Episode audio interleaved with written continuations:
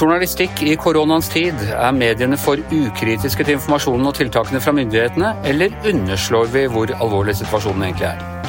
Og Ap-topper festet på hotellrommet i Bodø etter at byen hadde vedtatt nye strenge smittetiltak. Dette er Gjevrøy-gjengen. Det er mandag den 15. mars. Og det er forbrukernes dag, innstiftet av USAs president John F. Kennedy i 1962. Velkommen til deg, forbruker og VG-redaktør eh, Gard Sterro. Tusen takk for det, Anders. Hvordan markerer du forbrukernes dag? Foreløpig har ikke jeg forbrukt noe som helst, men jeg har bidratt til litt forbrukerjournalistikk i VG i dag. Iallfall eh, diskutert hvordan vi skal dekke et par temaer vi tror er viktig for millioner av lesere der ute. Ja, nei, Det er jo ikke så lett å være forbruker for tiden, men helt kort bare før vi går til hovedtemaet. Altså, forbrukerjournalistikk det er blitt en stadig viktigere del av mediene. Da, da jeg vokste opp, så abonnerte vi på Forbrukerjournalistikk Forbrukerrapporten. Og det var liksom der vi kunne ikke kjøpe en eh, støvsugerpose uten at far min hadde lest Forbrukerrapporten nøye først. Og Forbrukerrapporten den gikk inn for ti år siden. Det hadde vel rett og slett å gjøre med at eh, markedet ble overtatt av eh, dagspressen og, og mediene? Ja, det er riktig. Det har blitt viktigere og viktigere. Og det er jo egentlig ganske god journalistikk, syns jeg. Altså drive en forbrukerveiledning. Og uh, på en rekke områder så trenger jo uh, meg sjøl inkludert, vi trenger jo veiledning. Vi trenger jo forstå ulike, hvordan ulike, hvilke varer man skal kjøpe, og hvordan man kan bli lurt og forledet av, eh, av ulike aktører. Og noen forbrukerjournalistikk er kanskje viktigere enn andre. Altså det, det, kanskje det beste eksempelet for VG er jo VGs matbør, som har holdt på i massevis av år, og, og som tror jeg har bidratt til å til å holde prisene på matvarer nede i dette landet. Vi velger, vi håper iallfall det. Jeg ser også det er egne nettjenester som bare samler testene fra alle de forskjellige mediene også, sånn at hvis du skal kjøpe støvsugerpose, så er det mer enn nok å, å, velge. Det er helt riktig. Og det er det vi kanskje har sett den, den største utviklingen de siste årene, har blitt mer testing av produkter, altså produktveiledning. Vi, eh, VG driver et nettsted som heter tech.no, og det er jo bygd mye på det. At man tester mobiltelefoner og sentralstøvsugere og uh, you name it. Det som kan testes, det tester vi. Jeg husker Da jeg var barn en gang, så var det Forbrukerrapporten hadde testa kondomer ved å blåse dem opp og se hvem som tålte mest. Og det var en kjempeskandale, fordi det var visstnok ikke Det var ikke en helt uh, patent test og i det hele tatt, og kulturdebatt i årevis. Ja, jeg tror vi skal holde oss unna prevensjonsmidler og vaksiner akkurat nå. Der skal vi vi la være å teste. Det var veldig godt at du nå klarte å, å pense inn på det. Altså i, i, helgen så har det vært hva skal du si, et gryende opprør i sosiale medier, og det har vært litt delt. Den ene delen går på at stadig flere til tross for at man nå sier at situasjonen er mer alvorlig enn noensinne. Eh, myndighetene sier det, vi videreformidler den typen opplysninger. Så er det stadig flere som nå er lei av tiltak, er eh, frustrert over tiltak, gjør opprør mot tiltak. Det skal være demonstrasjon denne uka foran Stortinget. Og det er en økende grad av beskyldninger mot mediene at vi bare ukritisk videreformidler skremselspropaganda fra myndighetene. Ja, det er riktig. Jeg oppfatter at det var et taktskifte nesten i, i, debatten i forrige uke. Uh, og Vi har jo sett dette i andre land. Jeg leste en artikkel om demonstrasjoner i Nederland. og i, i andre land så har jo det vært mer, hva skal jeg si, en større grad av aggresjon mot helsemyndighetene, også mot mediene, det vi har sett i Norge. Det har jo, Så langt har jo pandemihåndteringen var preget liksom at fellesskapsfølelsen i Norge og stor tillit til myndighetene. Og så skjer det noe nå, eh, og nøyaktig hvorfor det skjer nå, det vet jeg ikke. Jeg tror folk er lei. Det tror jeg det er ene som virker inn, og folk er mer lei enn tidligere. Eh, og en del av de undersøkelsene jeg har sett, så er det jo en del spesielt unge nordmenn som begynner å bli, eh, som mister litt tilliten til dette, og som betaler jo en høy pris for disse restriksjonene. Og så kom det på toppen av disse nyhetene om at AstraZeneca-vaksinen og mulige bivirkninger av den. Og det tror jeg skapte et, et liksom grobunn for, eh, for, eh, en litt tøffere tone i debatten. Der det er ganske, no, veldig splittet. sant? Noen mener at, at disse bivirkningene gjør, de ser de veldig alvorlig på. Mens andre mener at dette nærmest er en bagatell som mediene ikke bør rapportere om. Og Ved all sånn konflikt som dette, så ender det i Norge i alle fall, ofte opp på en mediedebatt. Altså, det, det kan du være ganske sikker på at når det er uenighet, så til slutt så diskuterer vi hvordan, hvordan mediene håndterer denne saken. Og det har vært uh, i, i, helgen altså hvor en kollega av oss i Aftenposten, Ingeborg Senneset, hun gikk ut og kritiserte mediene litt generelt, men uh, kanskje Dagbladet spesielt, for å ha slått opp uh, altså, tilfeller, tilfeller av folk som har blitt syke av vaksinen på litt sånn sjokkartet måte. Og det ble ganske heftig der, og flere, jeg tror det var tre Dagbladet-redaktører som var inne og svarte henne på, på den tråden. Og hva tenker du om den delen av debatten? Jeg, jeg, registrerte den debatten, og så tror jeg at øh, så forstår jeg at Dagbladet kanskje opplevde den kritikken, altså den konkrete kritikken i dette tilfellet som, øh, som noe urettferdig. Øh, men jeg, generelt så jeg veldig syns jeg vi skal være veldig obs på nå i mediene at vi står liksom på et litt, muligens på et lite vippepunkt der vi må være ekstra varsomme. Eh, og jeg tror at vi som nå skal dekke denne pandemien, eh, vi skal legge vekt på å være uhyre presise i, eh, i vår beskrivelse av det som skjer. For jeg tror her skal man jeg tror at Gjør man det minste feil her nå, eller er upresis, eller tar noe ut av kontekst, eller, gi, set, eller ikke bare tar det ut av kontekst, setter vi ikke disse opplysningene i en sammenheng, så tror jeg vi kan bidra til å spre unødvendig frykt. Men jeg tror òg at vi kan svekke tilliten til, eh, til, både journalistikken om pandemien og til selve pandemihåndteringen. Og da mener Jeg ikke at jeg mener jo da selvfølgelig ikke at vi skal la være å rapportere, rapportere, om det som skjer. Det er jo nå en uro knyttet til, eh, til bivirkninger av AstraZeneca-vaksinen, og det må vi naturligvis fortelle. Men å slå dette, liksom bruke de største titlene rundt dette, det tror jeg eh, vi skal være veldig varsomme med. Nå har vi et ansvar på en måte for at dette er en faktadrevet diskusjon. Hva med uroen for at eh, tiltakene går for langt? At omkostningene for arbeidsplasser, for eh, psykisk helse, for eh, ungdom er for store i forhold til at det tross alt er veldig veldig få som dør av denne sykdommen? i hvert fall her til oss? Ja, den, den, debatten må vi, må vi, ta, og vi må legge til rette for den debatten. Samtidig så må vi også sørge for at det, det er litt sånn edruelighet i den debatten. Jeg tror mediene eh, i, i, normale tider så søker jo ofte mediene ytterpunktene for å skape denne debatten. og det, det, er man, det, er ofte det som kan skape et godt debattprogram på TV eller en god podkast. Det er når du lar ytterpunktene møtes, og så smeller det virkelig. Akkurat nå så opplever jeg at ytterpunktene er mindre relevante, og jeg tror vi skal være varsomme med å ta de inn. Rett og slett fordi at denne en veldig hard kritikk, en hard debatt nå om dette, tror ikke folk blir spesielt klokere av. Men å få fram, eh, å få fram eh, de, altså problematisere de veivalgene myndighetene tar, og omkostningene ved det, mener jeg er viktig. Og gjør vi ikke det, så tror jeg mange vil sitte igjen med et, uh, en følelse av at vi underslår en viktig debatt. Og det er jo en del avveininger nå som er vanskelig. Sant? Det er det. Og så blir jeg bare litt oppgitt når denne debatten av og til skjærer helt ut, og man fortsatt ikke er ferdig med disse diskusjonene om dette er egentlig ikke er ikke dette bare som en normal influensa, når man ser dødstallene fra Brasil og fra USA og fra Italia og andre land. Altså Dette er en helt annen situasjon.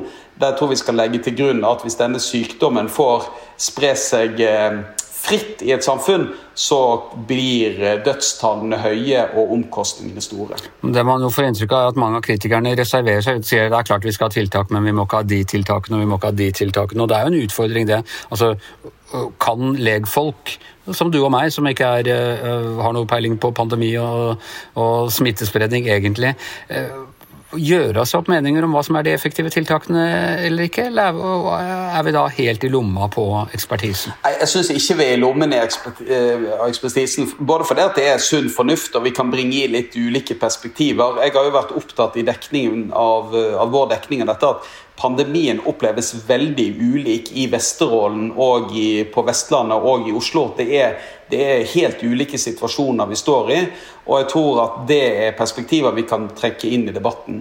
Men medienes rolle, altså journalisters rolle er jo ikke nødvendigvis å mene så mye, men det å stille veldig gode, presise spørsmål, sånn at uh, våre lesere kan sjøl vurdere de svarene ekspertene og politikerne gir.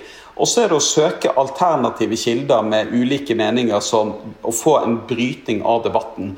Og det tror jeg, det er, det som, det er jo det som er vår, vår rolle oppi dette. Det er ikke nødvendigvis at vi skal stille oss nå i å opptre som epidemiologer og, og, og, mene så sterkt om dette, men vi skal sørge for at, eh, for at Erna Solberg og FHI og Helsedirektoratet får kritiske spørsmål Eh, og ikke bare får en mikrofon i hånden eh, fra oss. Og I hvilken grad skal vi slippe til de mest kritiske eh, stemmene? Nei, jeg syns det er en balansegang der vi skal være varsomme. Og vi skal i alle fall sørge for at de ikke slipper til De skal i alle fall ikke slippe til ukritisk.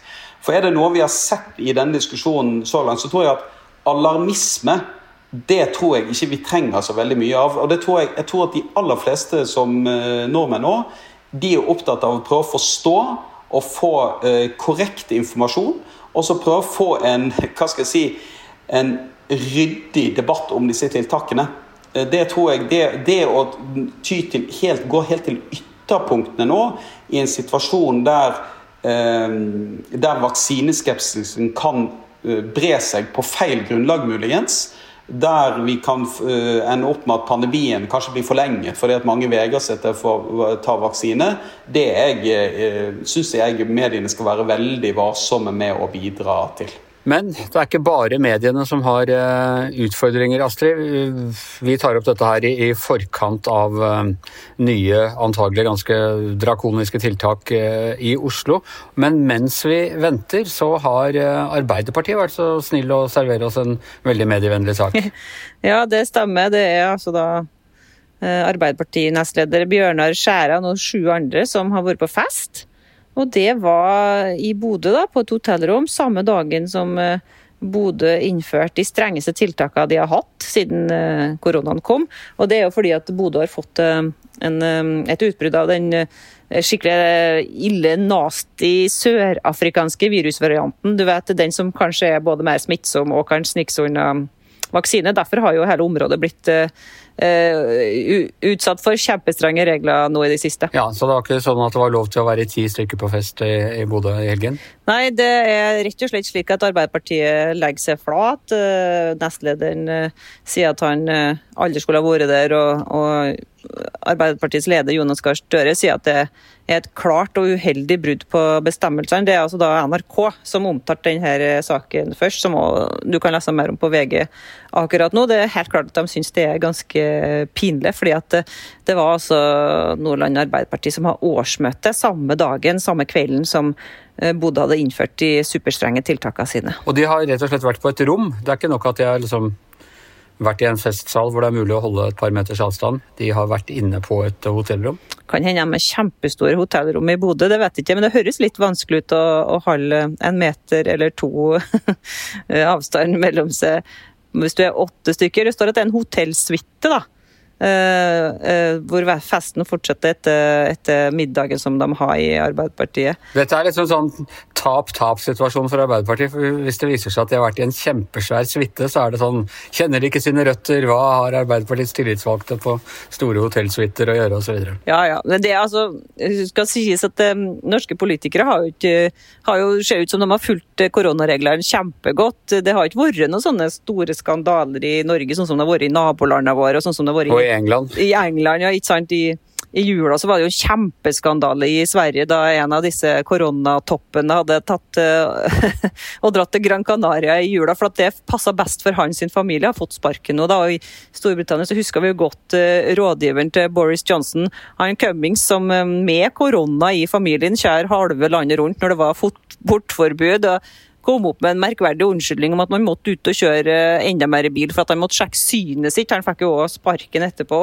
Det har vært masse sånne saker rundt om, mens Norge har vært ganske forskåna for det. Og det er jo ytterst pinlig, syns jeg, at Arbeiderpartiet har klart å, å troppe opp på fest akkurat den dagen de skulle eh, inn opp Bodø. Vet ikke, kan hende, Vi må jo sjekke ut om det, er, om, det, om det er straffbart. Det her er ikke helt sikker på hvordan koronareglene er i Bodø, men det er jo kjempepille at eh, at de som eh, vi har valgt inn til å representere oss, skal drive og ha fest, mens vi andre altså da sitter her og ikke har snakka med, med andre enn uh, bestemor på FaceTime det siste halvåret. Men tror du dette er en sak som først og fremst vil da appellere til en type sånn uh, litt skadefryd, men tross alt shit, ha uh, shit happens fra, fra uh, politiske motstandere, eller er dette noe som eventuelt vil bli brukt politisk, tror du? Nå legger de seg jo flat med en gang, og det er vel det vi har lært uh, ofte når det er sånne katastrofer. Eller ikke katastrofe, da, men når det er sånne små skandaler. At når de legger seg flat med en gang, så er det jo vanskelig og, og, ta dem så fryktelig lenge på det. Det som vi så med Moldegate, altså Høyre-skandalen for et par uker siden, var jo at det var en lang dags ferd mot natt. Det liksom først var snakk om at det ikke var noe galt, og så kom det fram mer og mer. Og det var jo det som var så vondt med den. og Jeg tror du, Anders, sa det, sa det riktig den gangen, at det var jo liksom det cover-up som var problemet. Var, og her er det i hvert fall ikke noe cover-up. Her legger de seg langflat med en gang, og det er vel det riktigste å gjøre når det er strenge regler. Nå skal det sies at Bodø har jo vært forskåna for korona kjempelenge. har jo uh, vært et slags Atlantic City der oppe, vet du, med forhold til Oslo. Der hadde det ikke vært strenge regler, men når de fikk den sørafrikanske varianten, så har det jo spredd seg til Hamarøy, altså til Salten-området, fått uh, strenge, strenge tiltak i alle kommuner rundt der.